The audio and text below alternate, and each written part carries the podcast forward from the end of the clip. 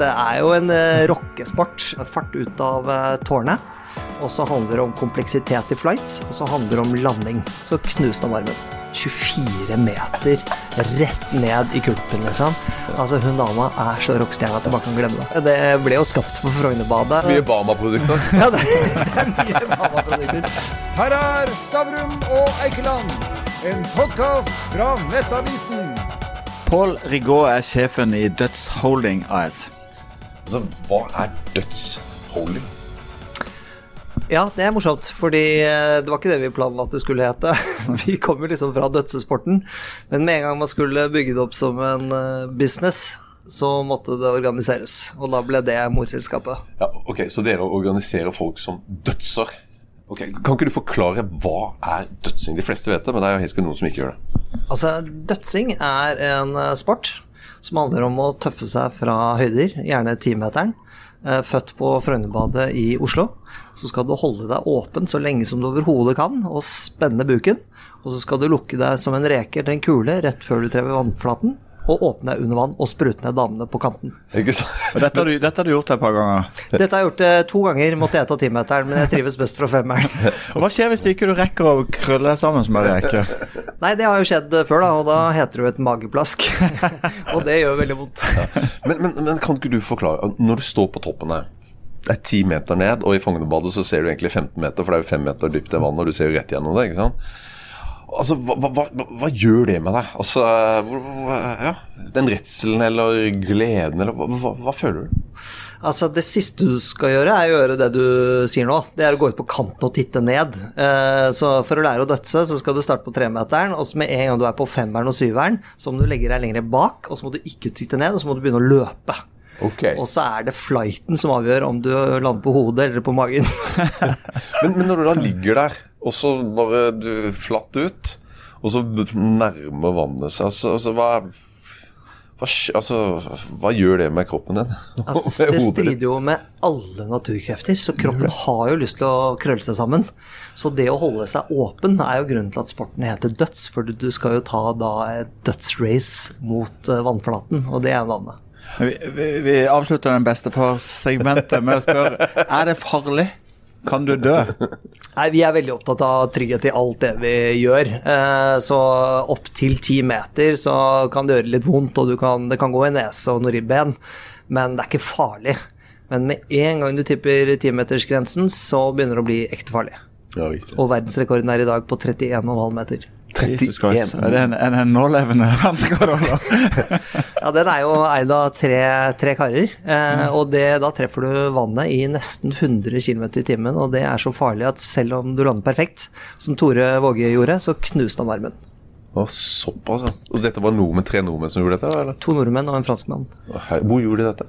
Det, de gjør det fra, altså Den ene er fra en foss, den andre er fra en klippe på Sørlandet, og franskmannen gjorde det fra en bro. Og alle fra samme høyde? De kunne ikke funnet en halv meter høyde? Ja, det syns jeg også var litt rart. Ja. Absolutt måtte treffe 31,5. Det var Men det er Kanskje det gjør noe med hjernen din? det er kanskje det. Er kanskje det. Men ok, men det du skal gjøre eller holdt på med en liten stund nå, eh, i mindre skala, det er å, å samle dødsing.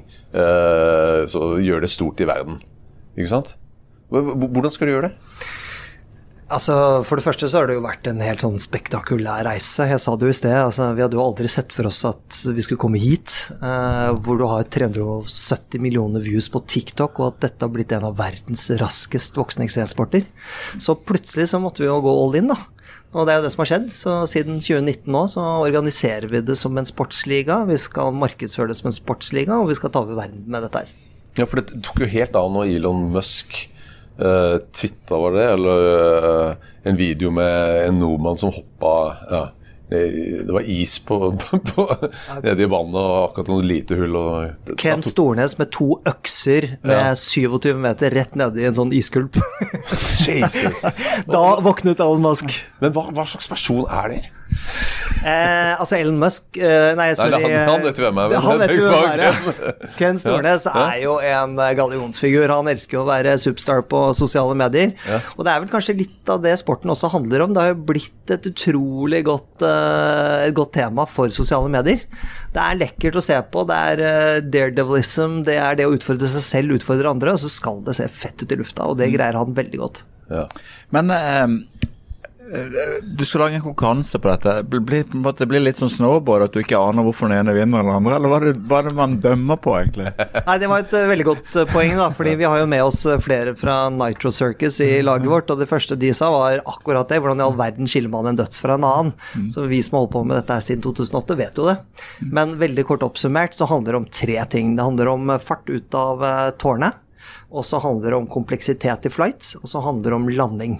Altså Under der så er det flere parametere. da. Så mye av det vi skal gjøre fremover nå, er nettopp å lære opp nye delen av publikummet til å finne ut av hvorfor dette er så fett. Men når du sier kompleksiteten i, eh, i svevet, men det, det, det vil si akrobatikk, da. Så det er bare den som klarer mest uh, mulig, eller? Ja, eh, snowboard Dette ligner jo litt på snowboard. Fordi du kan jo spin it to win it, som de kaller det. Hvor det til slutt bare blir akrobatikk som du ikke får med deg. Eh, eller så kan du eie luften.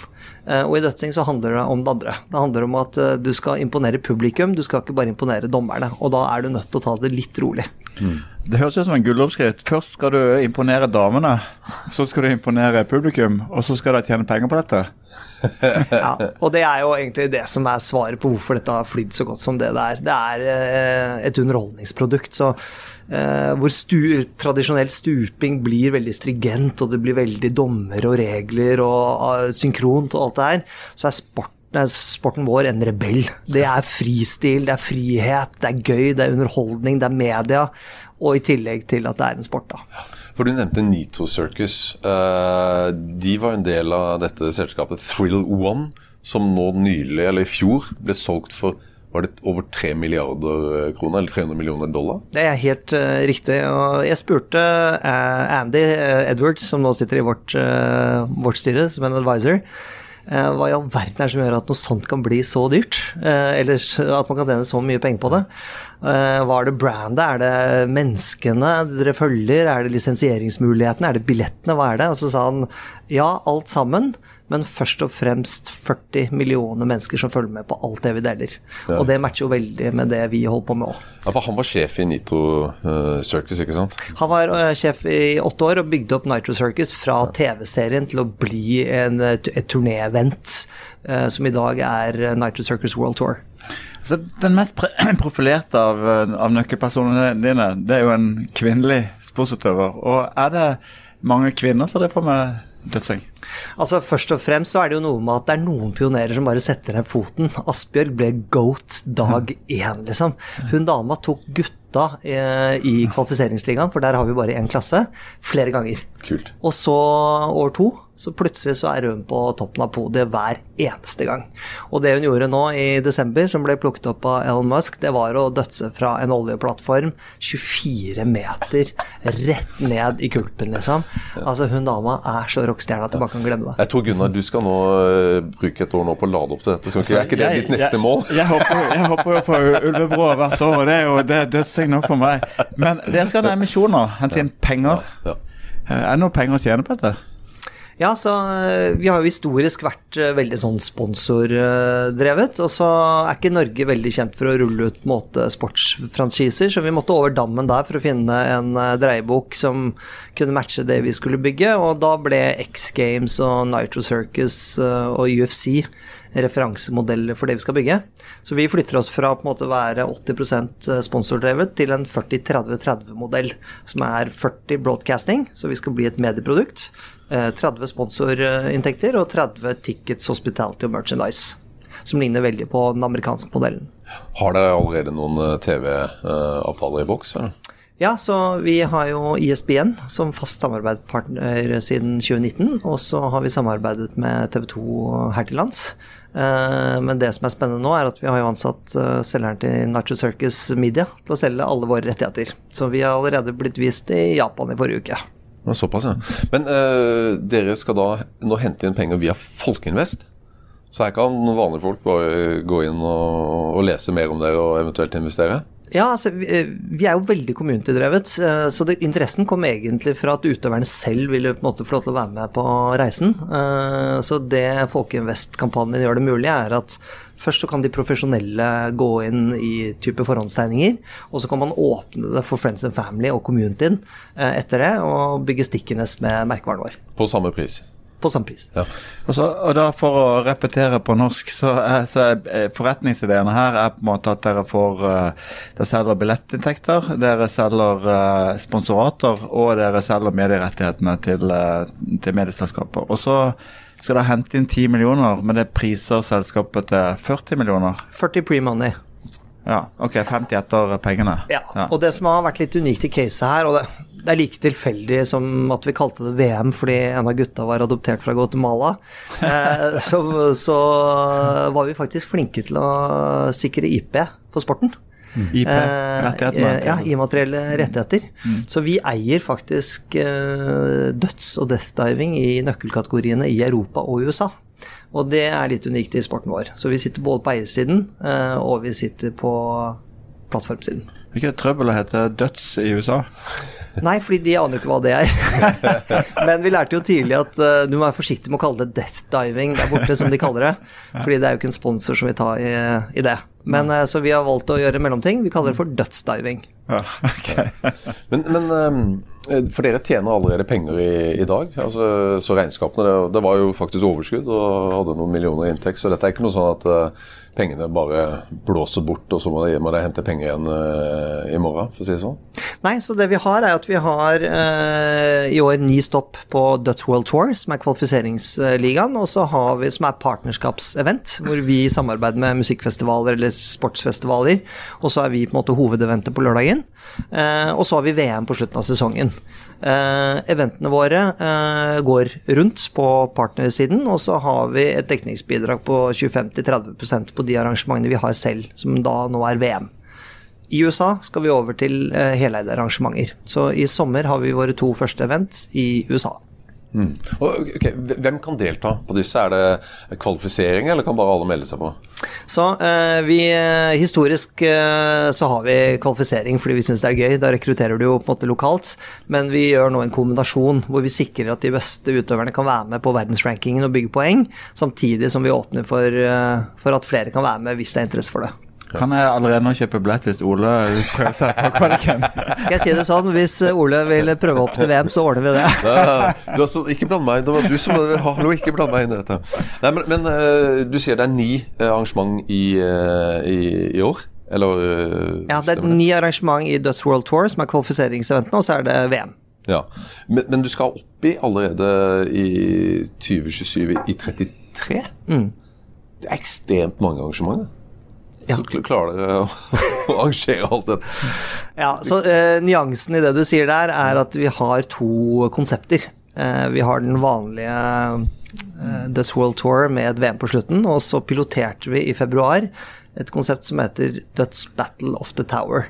Som er en lagkonkurranse hvor tre, tre i hvert lag slåss eh, om å ta tårnet. Og det er et mye mer, underholdningsevent med pyro og DJ og lysshow, som er tiltenkt mer college i USA. Hvor eh, etablerte lag allerede kan få lov til å kjempe mot hverandre uh, i en uh, hybrid av underholdning, festival og konkurranse. Okay, Så da skal vi slåss på veien opp, og så Ja. førstemann til toppen, og så døds, og da vinner? Eller noe sånt? Ja, eller uh, du har tre deltakere per lag, og så har du ti lag som slåss om å på en måte eie toppen av tårnet. De tre første rundene så hopper de én og én, men i finalen så hopper de sammen.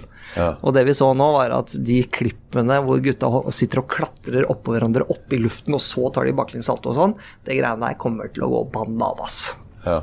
Og ikke noen som blir skada? Nei. og der satte vi faktisk ny rekord. Vi hadde 27 som dødset samtidig, så det ble satt ny verdensrekord den eh, helgen òg. Oh, hva med det norske publikum? Hva får de se? Nei, altså, dette er jo fortsatt uh, en uh, erkenorsk uh, kulturhistorie. Det ble jo skapt på Frognerbadet, og uh, selv om alle land har en versjon av det å tøffe seg fra timeteren, så er, heter det jo døds. Så alle de kule gutta i Amerika, når vi kom på besøk eh, dit i fjor, når vi hadde vår første pilot der, hadde tatovert Øen og liksom hadde merchandisene på plass, og de norske gutta var guder der borte. Så det at det er norsk, det skal vi alltid ta med oss. Ok, Hvem var den første dødseren? Altså, Er det én person som, kan, eh, som er faren? Eller? Eh, Bruno fra Raga Rockers eh, sies å være gudfaren til dødsingen. Det var et militærstup på Frøynebadet, og så trakk han seg, eh, men fikk ikke med seg armene, så han lagde en klassisk no-hander, så han landet som en stift og fikk ganske vondt i magen. Og fikk så god applaus etter det oppe der, at det ble starten på en helt ny måte å hoppe på. Å. Men vi må spørre på vegne av vårt publikum. Pål Rigaud, det høres ikke helnorsk ut. Hva er din historie, og hvorfor er du eh, aktiv på dette? Hva mener du? Det var helt Neida, jeg, jeg er eh, halvt eh, fransk, men grunnen til at jeg ble med på dette her, var Jeg var ganske frekk i kjeften. Eh, så jeg var han karen som tok med roperten når vi hadde vårt første VM, og roastet alle utøverne før de hoppet. Så det var min skill. Det var i to 2008. ja, ikke sant? Og da tok du også etter hvert, for du har hoppa, ikke sant? Og da, ja. Så du var først da i vel voksen alder at du gjorde ditt første hopp, altså? Ja, jeg eh, fikk ikke lov til å være dødsegeneral uten å komme opp på timeteren, så det måtte jeg gjøre for hverdag, seks år siden. Og det må jeg innrømme, det skilte så sykt i magen. Eh, men det ble gjort. Og du fikk vondt? Nei, vet du hva, det er så mye adrenalin, og det er derfor jeg sier at man er aldri for gammel til å dødse. Med en gang du tar det spranget, så gjør du noe med deg, altså. Du føler deg som en rockestjerne. Du får ikke meg til å gjøre det. altså. Men eh, det skal altså ekspandere til USA, men jeg tror også at det er planer i Asia. Altså, hvor, hvor stort kan dette fantaseres over å bli? Ja, så Man må jo ha tungen rett i munnen. Det er jo eh, raskt å bli veldig vekstglad. Eh, så det vi har bestemt oss for, er å vi beholder partnerarrangementene våre i Europa. For det er en modell som ikke krever veldig mye investering. I USA så bygger vi dreieboka nå. eh, Så innen 2025 så skal vi på en måte ha seks stopp på Dutch World Tour. Der tester vi det å drive heleide arrangementer. Vi snakker også om å gjøre det om til todagersarrangementer. En hybrid av festival med musikk og sport. Og så ser vi om vi får på plass eh, TV-distribusjon som vi ønsker, osv. Og, og når vi har landet dreieboka i USA, så følger vi med på hvilke markeder hvor sporten vokser raskest. Og PT så er det veldig god fart i Japan og i Korea, eh, men det er det også i Brasil. Eller i Midtøsten, av alle rare steder. Så eh, det handler om å følge litt med, og så bygge på en måte boka og kontinentene når man har interessen på plass. Er doping en stor plage i den idretten? Eh, nei, altså jeg må jo innrømme at det har jo vært en ekstremt liberal sport. Det er som, det er som da snowboard møtte uh, Hasjforbundet, eller hva det het. Det var jo Det er mye Bama-produkter. ja, det, det er mye Bama-produkter. Nei da, det er jo ikke til å sette under stol at det er jo en uh, rockesport, uh, men det har jo blitt så proft. Altså, gutta er jo så seriøse. Så det å tåle en døds, det greier du ikke i tung rus. Altså, det må du, skal du dødse ti ganger, så må du trene. Men Dødser du bedre med en øl eller to innabords? Ja, Nå skal ikke jeg si det, jeg mener helt klart. Gjorde du det? ja, selvfølgelig. gjorde jeg det. Men jeg får jo bare ta kontakt med Elon Musk. Han har jo i hvert fall fått eh, Det er i hvert fall på- kommet på hans kart. Så hvis han blir med, så blir det vel fulltegna. Ja, øh, rart med den der goth-fetisjen til Elon Musk. Altså, det måtte en sånn norsk viking med masse økser og sånn før han registrerte det. Men vi hadde jo riktignok vært på New York Post og i Fox News uken før. Eh, av rekorden vi satt på TikTok eh, ved å breache 370 millioner følgere. Så i Amerika så er jo utviklingen sånn. Altså den går rett opp. Og det som er gøy, er at en liten nisje i USA, dette vet vi alle sammen, er jo plutselig mange. Men nå må det komme en nyhet. Eh, for noen uker siden så var det en nordmann som dødsa i Italia. Det var ut fra et hotellrom ned, var det ikke noe sånt? Ish? Ja, det er på, ja, det er på Ja. kanten av hustaket. Ja. Hvem var det? Vet du hva, det kan jeg ikke si, fordi det har jo ekte rettslige konsekvenser. Han ble ganske sur av borgermesteren i Venezia, men uh, jeg, Fortell litt sånn sirkus hvor han er fra, da? altså det første du ser, er at han har ganske gammel, klassisk dødsestil, og den, har de, og den har ikke de nye gutta. Du ser at han spenner seg helt ut, og så strekker han ut armene helt ut. Og så ser er du en liten ølmage. Og så en liten ølmage. og det er klassikeren, men det er en veldig pen døds. Eh, men det som er typisk uh, feil der, er at han som skal klarere vannet, sitter jo på land. Så jeg er jo helt enig med borgermesteren. Han må jo i hvert fall klarere at det ikke kommer noen båter. Så apropos sikkerhet, så er det sikkerhet først. Selv om du tøffer deg. Det tenker vi faktisk mye på når vi hopper på Ikke sant, dere òg? Du er jo flink der hvert år, du. Ja. Ja, ja, Og så kommer alt Å, bukke litt ribbein og litt sånne ting. Da. Men Det var deg. nei, det var ikke en mage. Du fikk Stavrum og Eikeland, en podkast fra Nettavisen.